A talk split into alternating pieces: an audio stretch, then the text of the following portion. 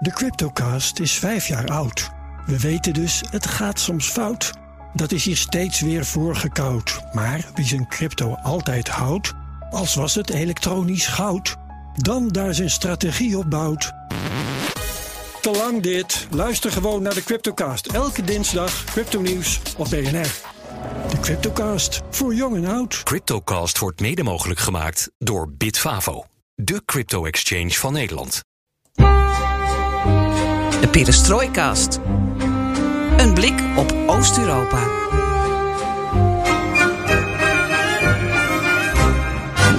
Welkom bij BNR Perestrooikast aflevering 109 van de enige podcast van Nederland die volledig oog voor het oosten heeft en geeft. En naast mij alweer Floris Akkerman. Ja, naast mij ook weer Geert-Jan Haan. Twee keer in de week uitkomen.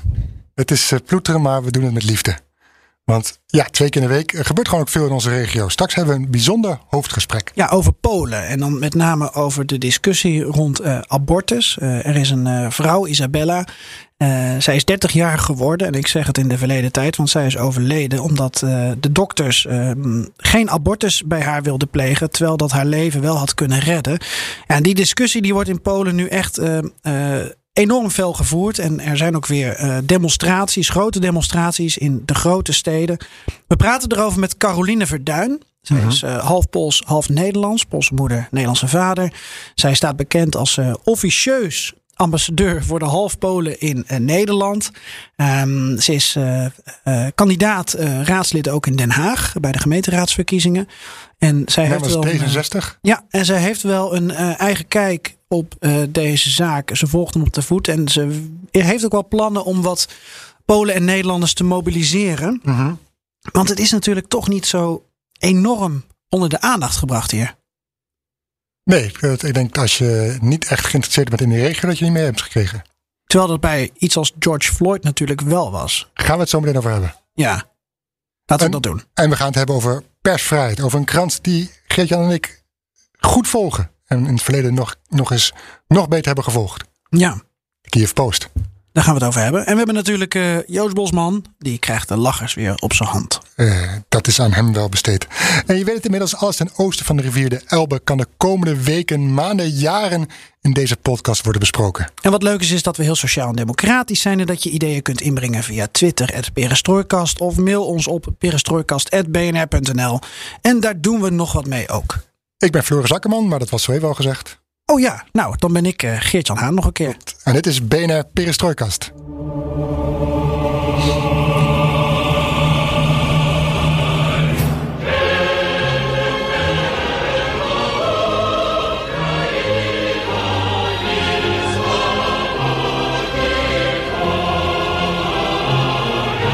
Ja, laten we voor het nieuws van deze week even in de Oost-Europese mediawereld blijven. Ja, en ik denk dat we het vooral over Oekraïne hebben. Mm -hmm. Maar dat het toch wel interessant is om ook onze eigen ervaringen van hoe dat nou precies werkt daar in Oost-Europa en pers om dat uh, met de luisteraar te delen. Want ik denk dat een aantal van onze luisteraars hun land of regio van voorkeur uh, volgen via Engelstalige media. Denk aan de Moscow Times in Rusland, uh, Radio Free Europe, Radio Liberty natuurlijk. maar je hebt ook de Slovak Spectator, dus Engels nieuws volgen over Slowakije. Dan heb je het over oude media een beetje, eigenlijk, of niet? Nou, de Slovak... Goede, goede websites, nieuwswebsites. Ja. Balkan Insight bijvoorbeeld. Ja, maar er zijn er ook niet meer zo heel veel van. Hè? Die bijvoorbeeld uh, voorheen krant waren en zijn overgegaan mm -hmm. uh, op uh, online uitgaven. Of nog allebei. Um, je had vroeger natuurlijk volgens mij ook de Prague Post.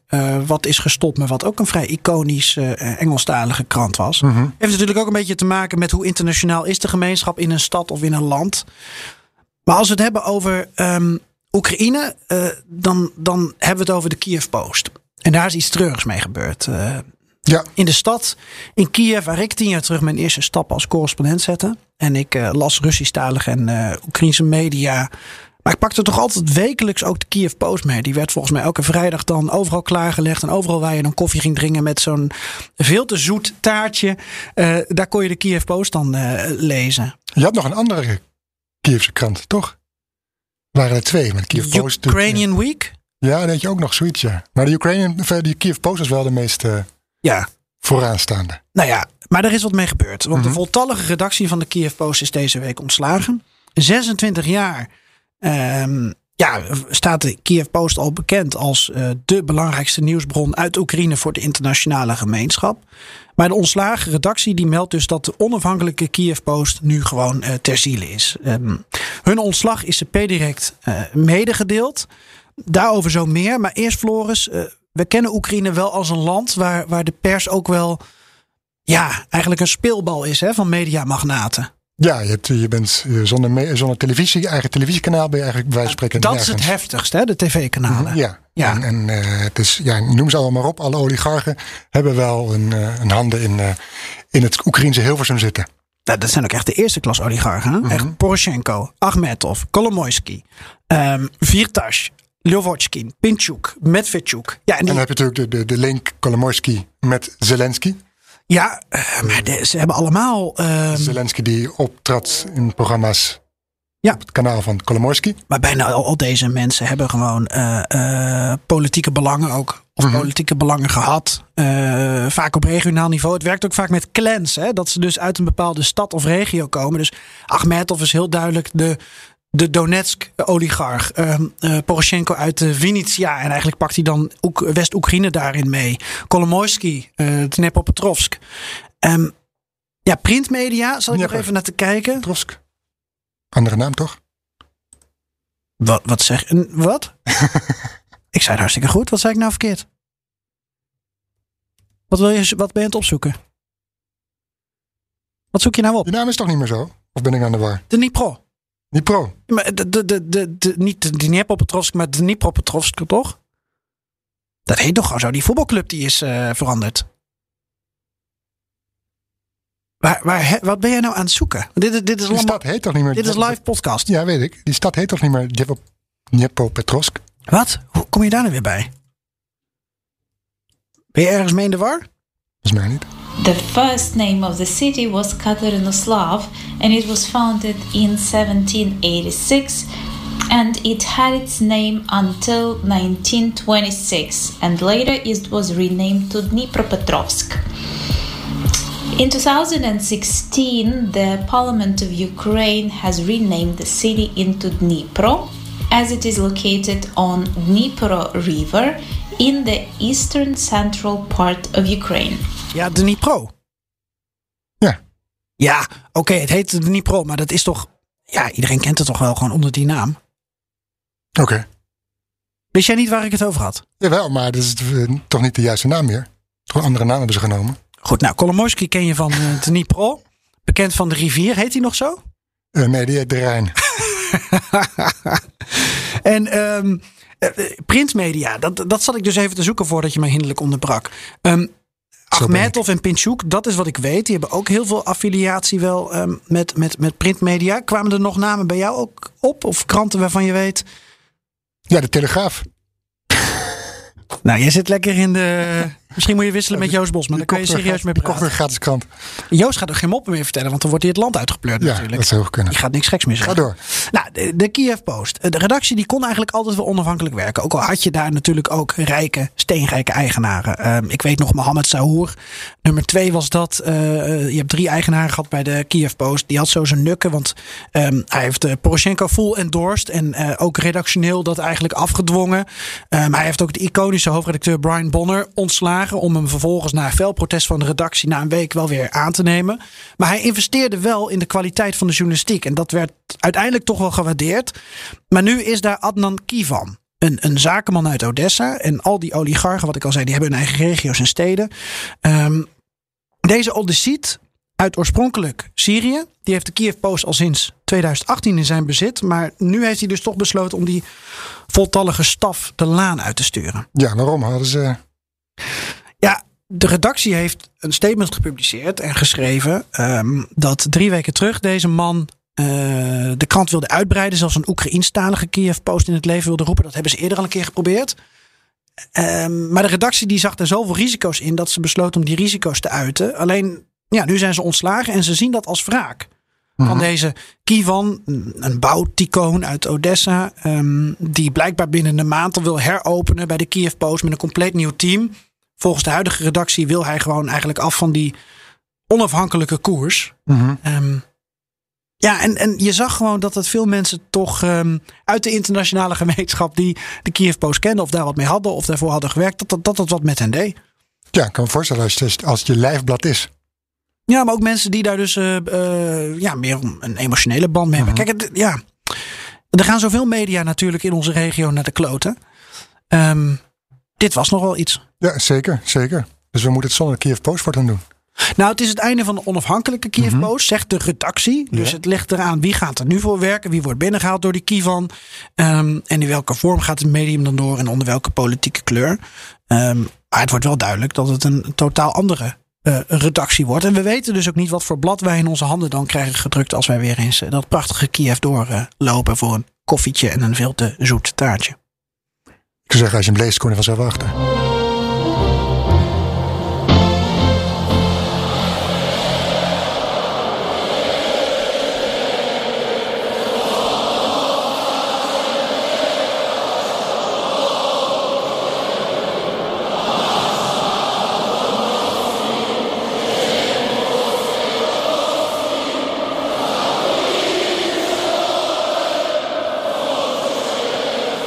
Onze gast is officieus speciaal ambassadeur voor half Polen in Nederland. Ik denk dat ik begrijp wat je bedoelt, maar misschien toch maar even navragen zo Ja. wat het dan inhoudt. Dit roept bij mij zoveel vragen op dat ik denk van welke, wat is het voor een bijzondere gast?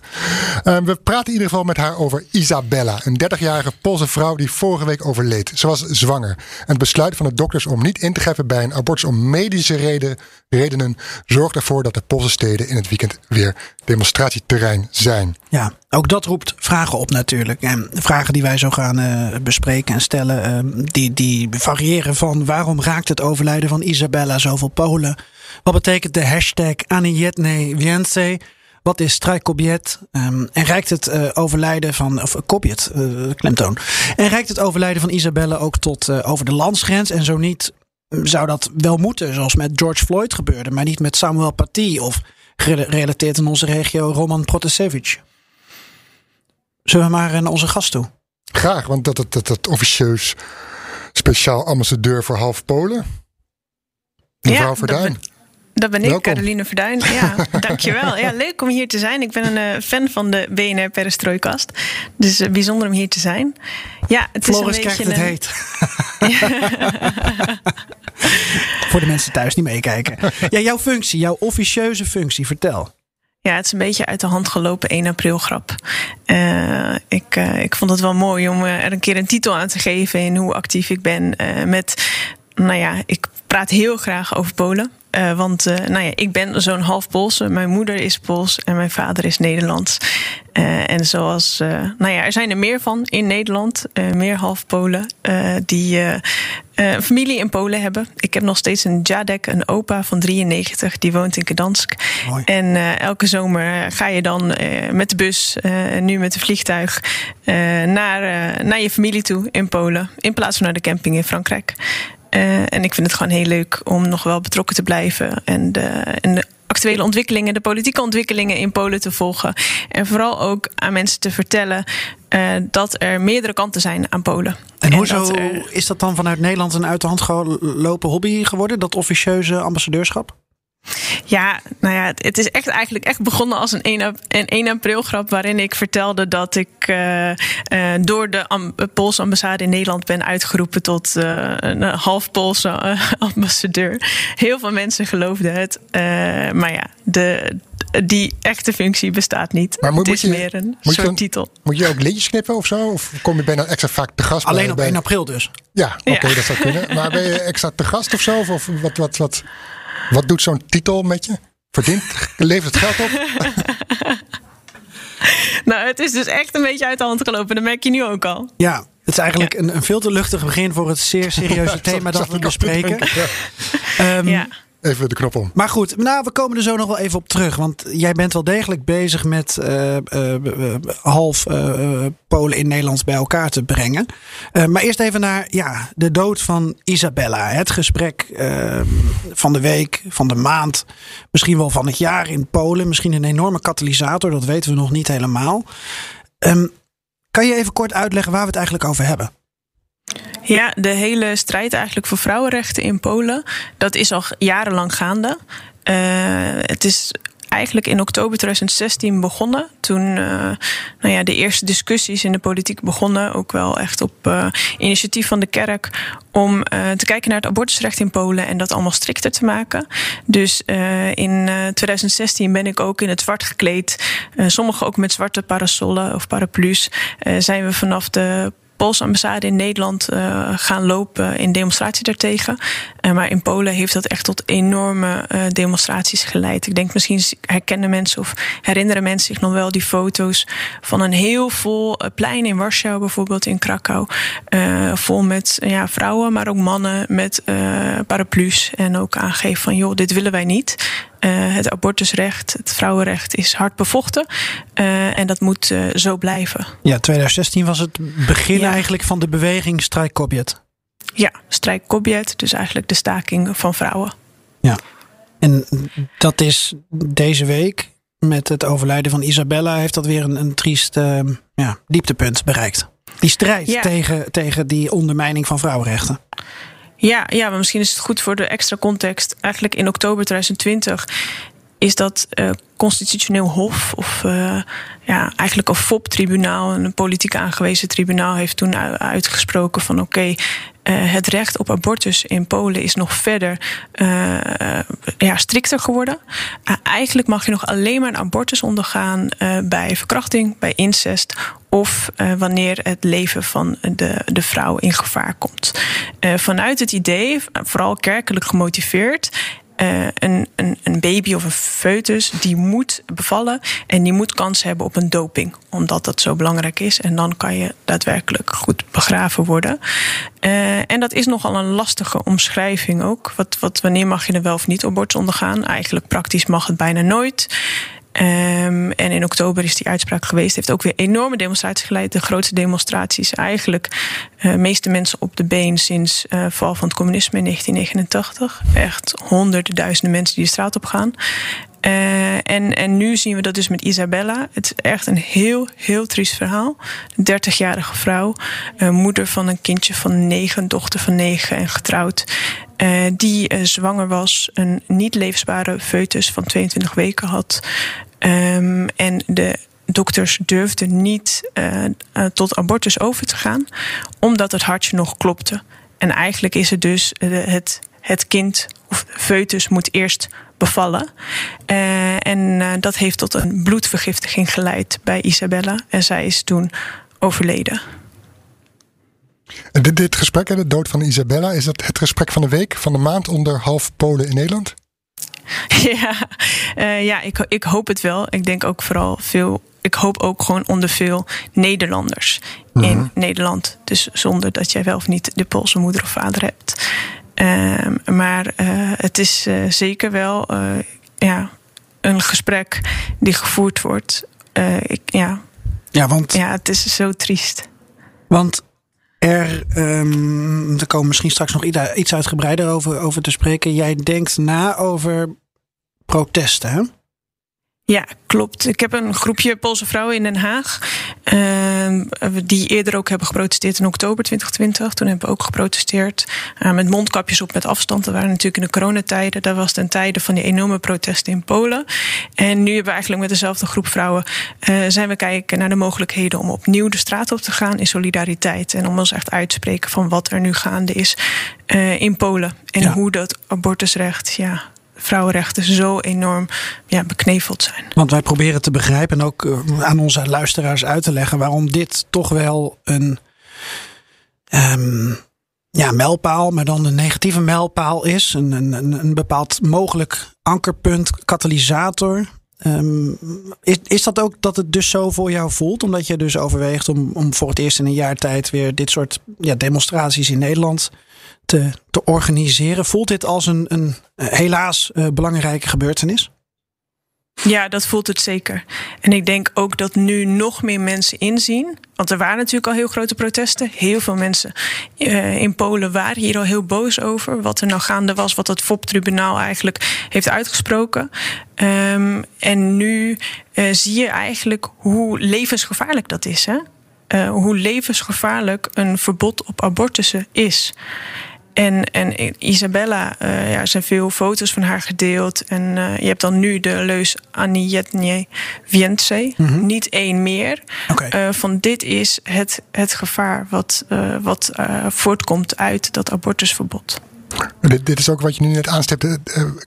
ik had het zo even over het gesprek van de week, van de maand. Hier wordt ook echt over gesproken, over de dood van Isabella, maar ook de alle, de, de, wat er verder omheen komt. Ja, wat ik zie is dat er enorme grote demonstraties zijn eigenlijk in alle steden in, uh, in Polen. Um, en je ziet toch ook wel in Nederlandse media dat er al wel over wordt gesproken. Um, ja, het, het, het is wel echt een onderwerp van, de, van gesprek. Van nou, in hoeverre is er eigenlijk nog wel steun voor die voor dat abortusverbod. En dat is wel heel interessant, want er is een onderzoek geweest van oké, hoeveel mensen in Polen steunen daadwerkelijk dat hele strikte abortusverbod. Dus wat ik eerder zei, uh, alleen bij verkrachting, incest en bij gevaar voor de vrouw. Dus eigenlijk als het een niet, levensvatbare, foetus is, dan moet het nog steeds uh, nou ja, op de wereld worden gebracht. Uh, drie kwart van de Polen is geen voorstander eigenlijk ervan, steunt het niet en wil het weer terug naar de vorige situatie. Of eigenlijk 30% wil het verder legaliseren. Dus wil eigenlijk meer mogelijkheden tot abortussen. Um, en ook uh, 30% wil het houden zoals het was. Maar 10% wil het huidige abortusverbod houden in Polen. 10%. Hè? Dus het is helemaal niet dat dit ondersteund wordt door de Polen. In, mm-hmm. Nou ja, gewoon door de Poolse mensen. Uh, 5% wil verder restricties, 10% heeft geen mening. En dat vind ik heel interessant. En daarom probeer ik een beetje als uh, zelfverklaard ambassadeur meer een breder verhaal van Polen te schetsen. Want heel vaak wordt gezegd: ja, die Polen die, uh, die willen uh, een abortusverbod. Die Polen willen van die uh, LHBTI-vrije zones. de Polen willen uit de Europese Unie. Dat is de Poolse regering waar we over spreken. En dat is niet per se dat de mensen in Polen dat ondersteunen. Nee. Nou, die verdeeldheid is wel interessant. Um, ja. En vervelend natuurlijk. Ja. Maar uh, zo werkt het ook in, in, in allerlei landen. Maar we hebben het vaker ook in aanloop naar Poolse verkiezingen. Of als uh, Donald Tusk weer op het toneel verschijnt. Dan hebben we het over die verdeeldheid. En over hoe we die kunnen duiden. Um, want je ziet ook bij de verkiezingen. Die dan door PiS um, uh, zijn gewonnen de laatste keren. dat dat redelijk democratisch verlopen verkiezingen zijn. het enige wat je wel kunt stellen is. De persvrijheid wordt dus daar nog ondermijnd. Dat het wel makkelijker wordt voor de re regeringspartij om aan de macht te blijven. Hè? Dus die kanttekening moet je daar dan bij maken. Um, maar het 50-50 gevoel, dat, dat heb ik wel bij de Poolse samenleving als het gaat om allerlei zaken. Uh, en of dat nou stad, platteland is, hè, dat is te kort door de bocht. Maar wat jij nu schetst rondom dit thema. Um, uh, abortus en, en recht eigenlijk uh, voor vrouwen om zelf te bepalen wat ze met hun lichaam doen. Dat, dat is dus niet een 50-50 verhouding. Nee, absoluut niet. Eigenlijk dus echt maar 15% steun daarvoor. En het is ook maar de vraag of het elke keer een 50-50 verhouding is. Of dat het meer gaat om bijvoorbeeld wat de Polen heel goed hebben gedaan. En dan hebben we natuurlijk, of wat de, de Poolse regering PiS heel slim en goed heeft gedaan, is die 500 plus. En dat is natuurlijk een politiek iets. Die kinderbijslag. Via de kinderbijslag. En dat heeft echt mensen geholpen die het, uh, die het zwaar hebben in, uh, qua inkomen. Uh, maar op dit soort onderwerpen, maar ook bijvoorbeeld over de steun voor de Europese Unie. Een meerderheid wil er heel graag blijven. Eigenlijk, er is nergens zoveel steun om lid te zijn van de Europese Unie als in Polen. In Nederland is die steun veel lager. Maar de Polen zien echt de voordelen van. Dat merk ik ook als ik daar uh, op familiebezoek ga. Nou ja, elke keer wordt er zoveel gebouwd. De infrastructuur is veel beter. Snelle treinen. Ja, ze zien ook echt de voordelen. Is echt economisch gaat het ontzettend voor de wind. En ik ben er echt van overtuigd dat Polen niet zo'n ontwikkeling zou maken als ze niet lid waren van de Europese Unie. Maar je zegt, dit is iets van de Poolse regering die op democratische wijze is gekozen. Uh, waarom zeg je dat het nadrukkelijk dan zoiets is van de Poolse regering als de rest van de bevolking, als ik jouw woorden uh, goed, goed beluister, daar helemaal niet achter staat, achter die abortuswet? Waarom komt de Poolse regering er dan toch mee? Ja, dat is een hele goede vraag. En eigenlijk komt het dan weer toch terug op de kerk. De kerk is enorm machtig binnen de Poolse regering. Ook zie je in Polen eigenlijk een ontkerkelijking. Steeds meer jonge generaties, steeds meer jonge Polen. die niet meer uh, zich, zich herkennen in de kerk, daar niet naartoe gaan. Ook oudere Polen. Uh, mijn opa gaat eigenlijk ook nooit naar de kerk. Maar het was vooral de, de kerk en ook een hele conservatieve organisatie, Jordo Juris, die heel erg op duwde dat, dat dit abortusverbod er moest voorkomen. En het is ook voor de PiS belangrijk dat hij toch die kerk toch wel um, ja, goed gezind is. En dit soort ja, voorstellen overnemen en, en tot wet uh, maken. Dus dat was echt onder druk van de kerk eigenlijk. En dan kan je nogmaals weer afvragen in hoeverre wordt dat standpunt uh, ook uh, gesteund door de Polen. Want die kerk heeft, de Poolse regering heeft die kerk nodig om andere maatregelen, wetten in te voeren om steun te vergaren? Ja, ja, ik vind, het, ik vind het heel ingewikkeld. Want ik woon er natuurlijk niet. Uh, maar het is wel. Er zijn ook hele goede films over gemaakt, zoals Claire. Uh, ook wel echt documentaires over. Uh, in hoeverre de Poolse kerk echt nog wat in de pap te brokkelen heeft in de politiek en in de macht. En dat is echt heel heel bijzonder. Uh, en ja, dat leidt er ook wel toe dat dit soort nou ja, echt verschrikkelijke wetgeving. Ik vind echt heel erg wat er is gebeurd, hoe levensgevaarlijk het is. En dat het eigenlijk wordt bepaald, nou ja, vooral door ja, mannen in, uh, ja, mijn moeder zegt soms in jurken, die dan uh, stellen van hey, ja, dit moet gebeuren. Er moet een verbod op abortus komen. Eh, de kerk is zo belangrijk, de doping is belangrijk, de eerste communie, et cetera. Maar als je het hebt over die niet levensvatbare foetussen, die moeten dus eh, daadwerkelijk eerst uh, gedoopt worden. En dat, dat kerkelijk proces is daarin zo belangrijk dat zij tot dit soort eigenlijk levensgevaarlijke en onmenselijke wetgeving komen. Ik dacht even dat je bij mannen met jurken, dat je moeder het had over het FOP-tribunaal, over de rechters in toga. Maar het kan dus ook op de kerk slaan. Ja, ja, en daar is eigenlijk een, een vrouw ook een voorzitter hè, van dat ja. uh, soort FOP-tribunaal. Dat is ook echt opvallend. Om nog iets meer grip uh, op die, die mobilisatie uh, te krijgen. Um, en op uh, Strijk Kobjet en Annie Wiense. Um, Strijk Kobjet bestaat nu ruim vijf jaar. Um, ja.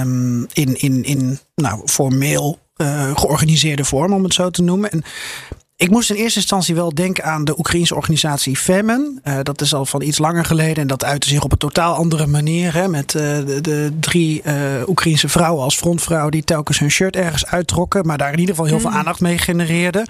Um, die, die, hun manier van uiten, daar, daardoor werd het soms wat, wat onduidelijk. Nou, hun, hun boodschap was wel duidelijk, maar die kreeg soms wat minder aandacht omdat iedereen dat blote lichaam telkens zag.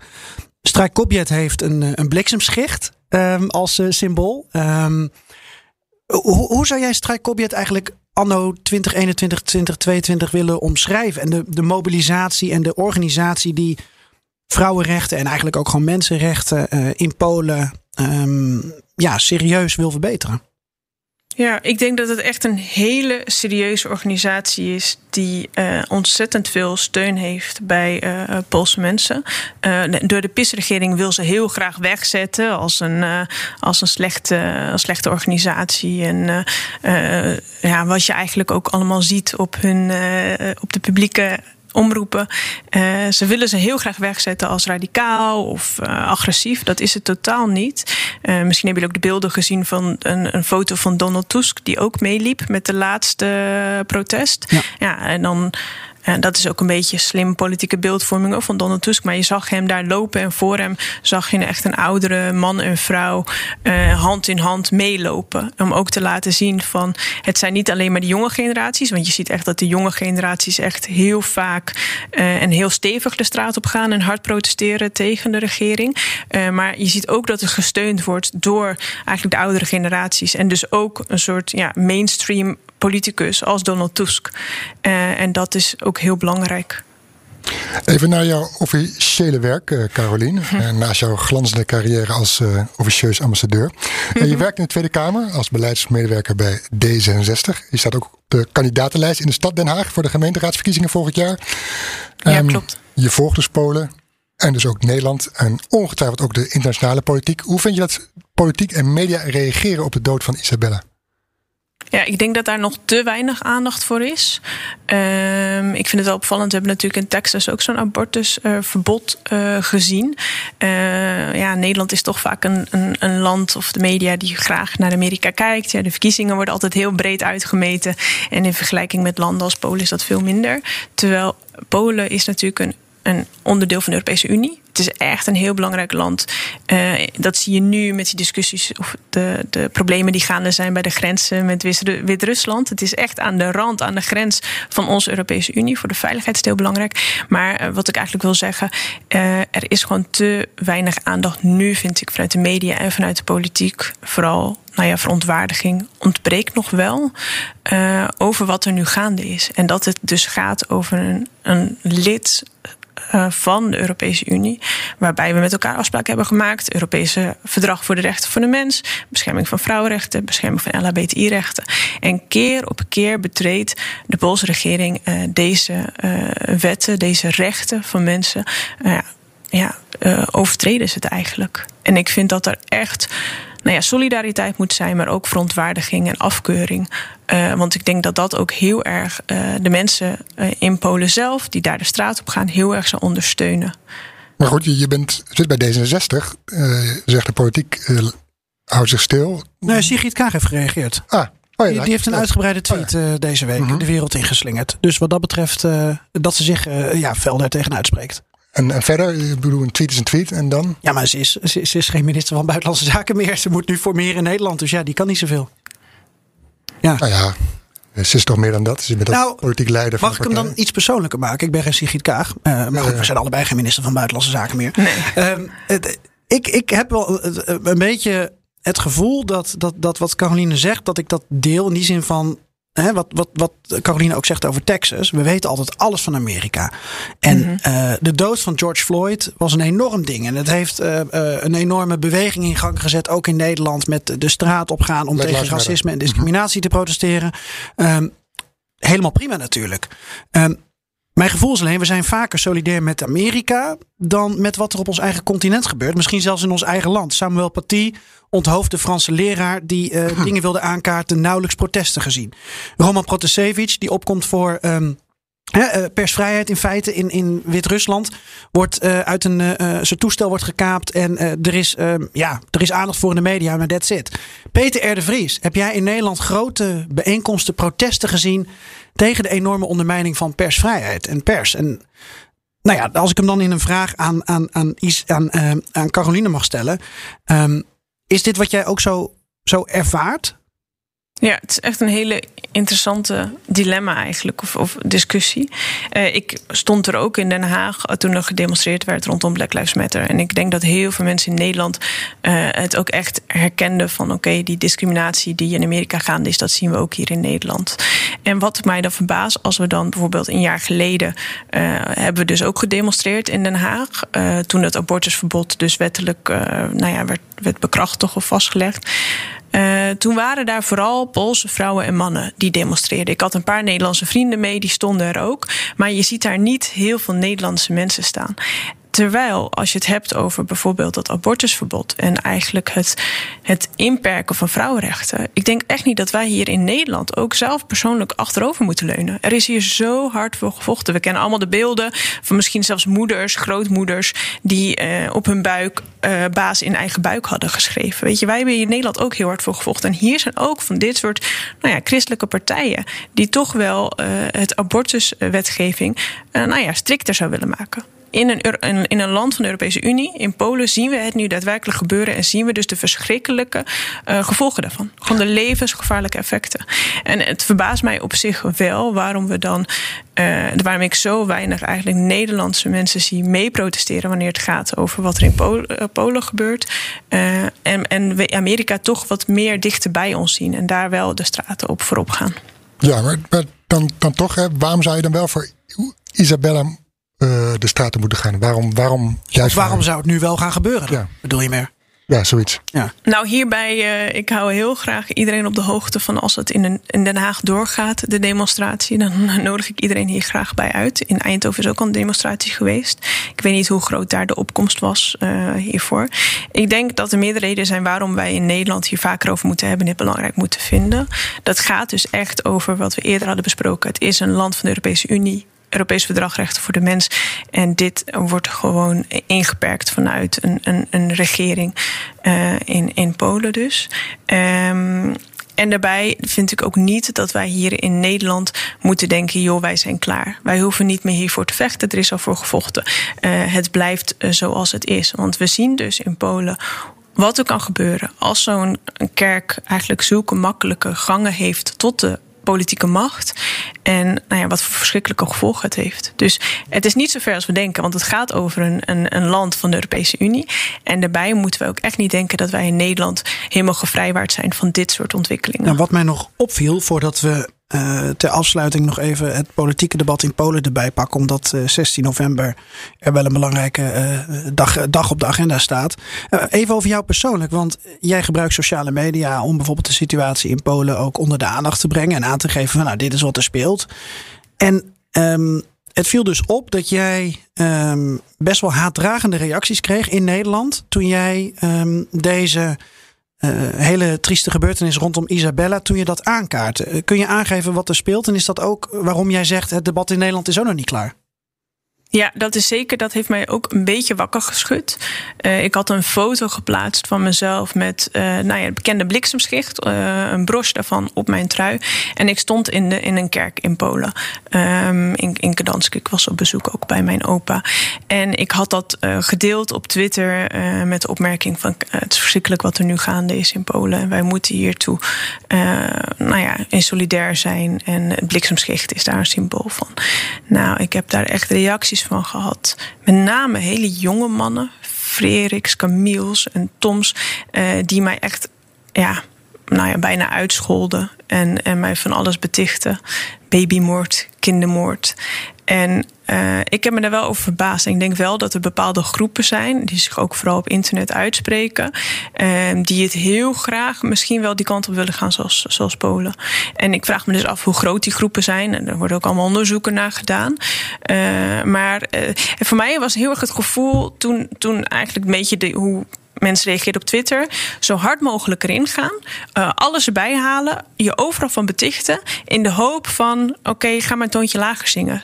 Uh, ga hier maar niet te vaak over spreken. En ik denk dat dat het gevaar is. Want als wij daar dus niet over praten, wanneer wij niet onze verontwaardiging uitspreken, wanneer we niet solidair staan, niet de straat op gaan, dan, ja, dan ben je echt 1-0, sta je achter. En dan gaan we vooral de verhalen er tegen horen. Het is deze week ook de week van het leven. Misschien de reclamespotjes uh, hebben we gezien. Uh, ik, ik wil niet dat dat verhaal alleen de boventoon krijgt. Want je ziet ook, met als met voorbeeld met Isabella, uh, het wel of niet ondergaan van abortus is een heel verschrikkelijk moeilijke keuze. Er kunnen zoveel redenen zijn. En het wordt gewoon heel makkelijk weggezet. Als dat zie je ook in Polen, hoe dat wordt geframed. Jonge meiden die uh, promiscueus zijn, niet opletten, zomaar seks hebben en dan maar de gevolgen. Ach, we doen even abortus. Nou, dat is totaal niet het geval. En omdat het nu zo in het, ja, in het eigenlijk illegaal is gebracht, gaan veel vrouwen gaan dus over de grens naar Duitsland, naar Nederland, gaan ze daar een abortus ondergaan.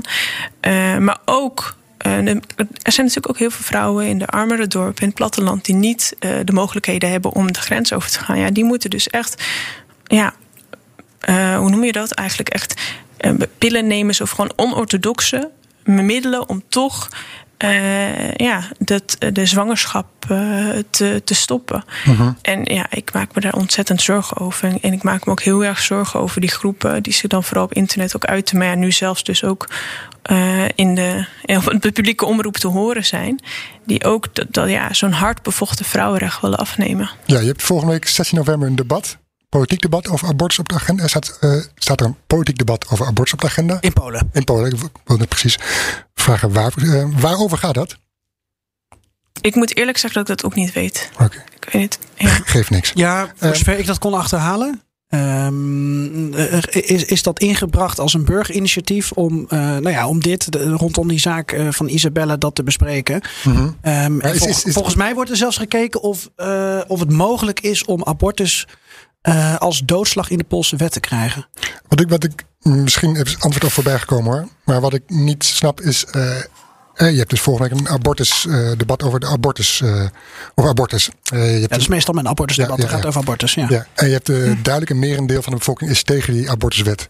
Is er dan de dood van deze jonge vrouw is even tot zover moeten komen dat het nu pas onderwerp van discussie is of nu pas dit mensen gaan denken van hé, hey, er klopt iets niet.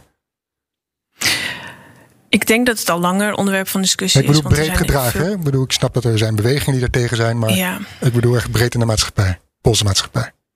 Ik denk wel dat Isabella een, een, een, ja, een beeld heeft gegeven of een mens laat zien van oké, dit is het een verschrikkelijk gevolg van een, een vrouw die uh, al een dochter heeft, een, een man heeft uh, en het met haar leven moest bekopen. Ik denk dat dit wel uh, echt nu eindelijk in beeld bracht hoe gevaarlijk het is. En dit is door een advocaat van Isabella is dit naar buiten gebracht. We weten ook niet of er meer van dit soort heel schrijnende verhalen zijn van vrouwen die het met hun leven moesten bekopen. Uh-huh.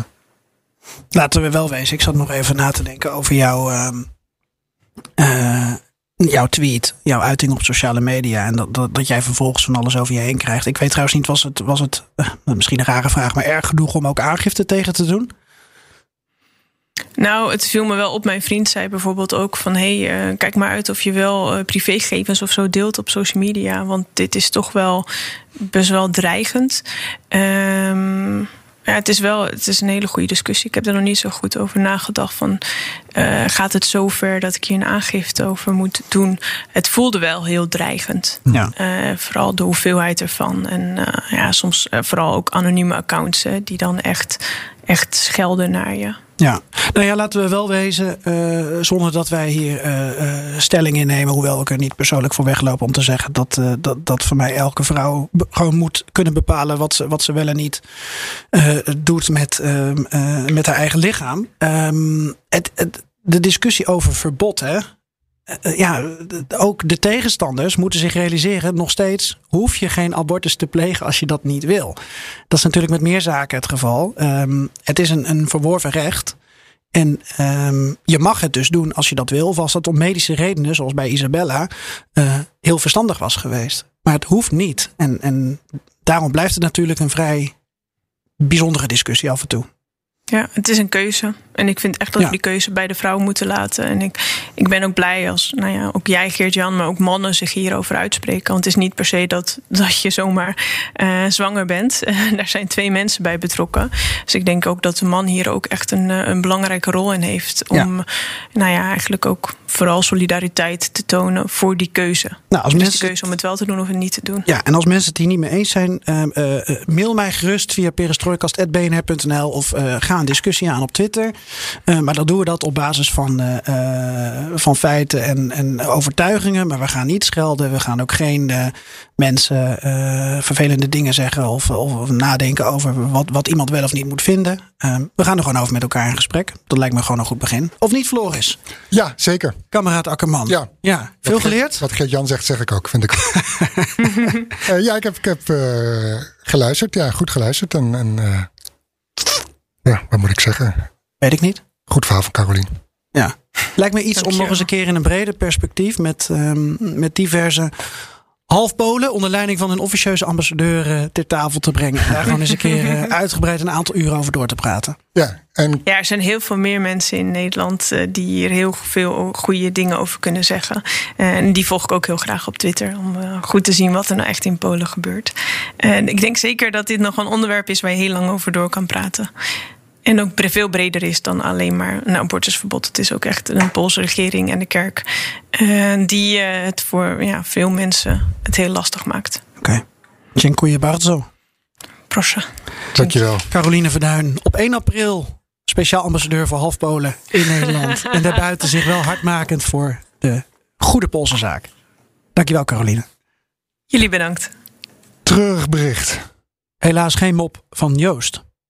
Um, onze schuld, hè? Ja, we waren te laat. We waren betrekkelijk laat. Ja. Met ons verzoek. Ja. Dus. Maar er zijn 107 afleveringen die je kan terugluisteren met Bob. Ja. Ongeveer. Mm -hmm. We waren wel eens later met ons verzoek. Wij trekken het boetekleed aan. Ik zag dat onze uh, inmiddels uh, ergens anders onder de pannen zijnde vriend uh, Isa laatste mop op Twitter had geplaatst. Nou, misschien kunnen we die. Zal ik die even voorlezen? Ja. Zal ik even zoeken? Nou ja, ik weet ook niet of je hem grappig vindt. Maar je had hem nog niet gezien, dus dan is hij voor jou misschien wel nieuw, Mhm, toch? Mm -hmm. Even kijken, waar stond hij ook weer? Moet ik, even, want, uh, ik moet even door de schaakpuzzels heen natuurlijk. Hè, want Isa, oh ja, daar komt hij. Anekdote onder Sovjet-dissidenten. Je zit intussen een boek te lezen, Ja, daar staat ook een mop in ergens. Dus ik probeer ook nog snel. Ja. eh, Jij moet toch spontaan kunnen Oh reageren ja. Om, om, om te weten of je die Ja, mop ik- ik begrijpt of niet. Oké. Anekdote onder Sovjet-dissidenten. Boeren bestormen Lenins huis tijdens de hongersnood. Wat is dit? We eten zelfs gras. Straks worden we paarden. En de kale dissident die kijkt hen aan en zegt: Niet zo overdrijven. Ik drink al weken thee met honing en ik ben niet veranderd in een bij. Briljant. Ik snap hem. Ik vind hem geestig ook. Oké. Nou. Joost, ietsje harder. Ja.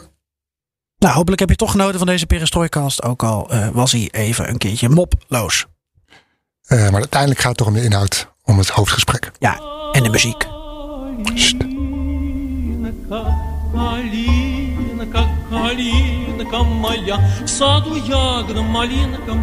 Wel weer veel geleerd deze aflevering.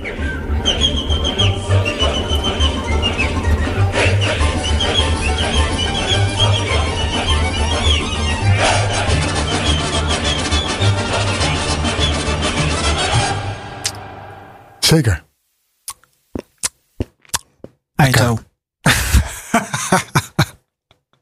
De Cryptocast is vijf jaar oud. We weten dus, het gaat soms fout. Dat is hier steeds weer voorgekoud. Maar wie zijn crypto altijd houdt, als was het elektronisch goud, dan daar zijn strategie op bouwt. Te lang dit. Luister gewoon naar de Cryptocast. Elke dinsdag crypto nieuws op BNR. De Cryptocast, voor jong en oud. Cryptocast wordt mede mogelijk gemaakt door Bitfavo, de crypto-exchange van Nederland.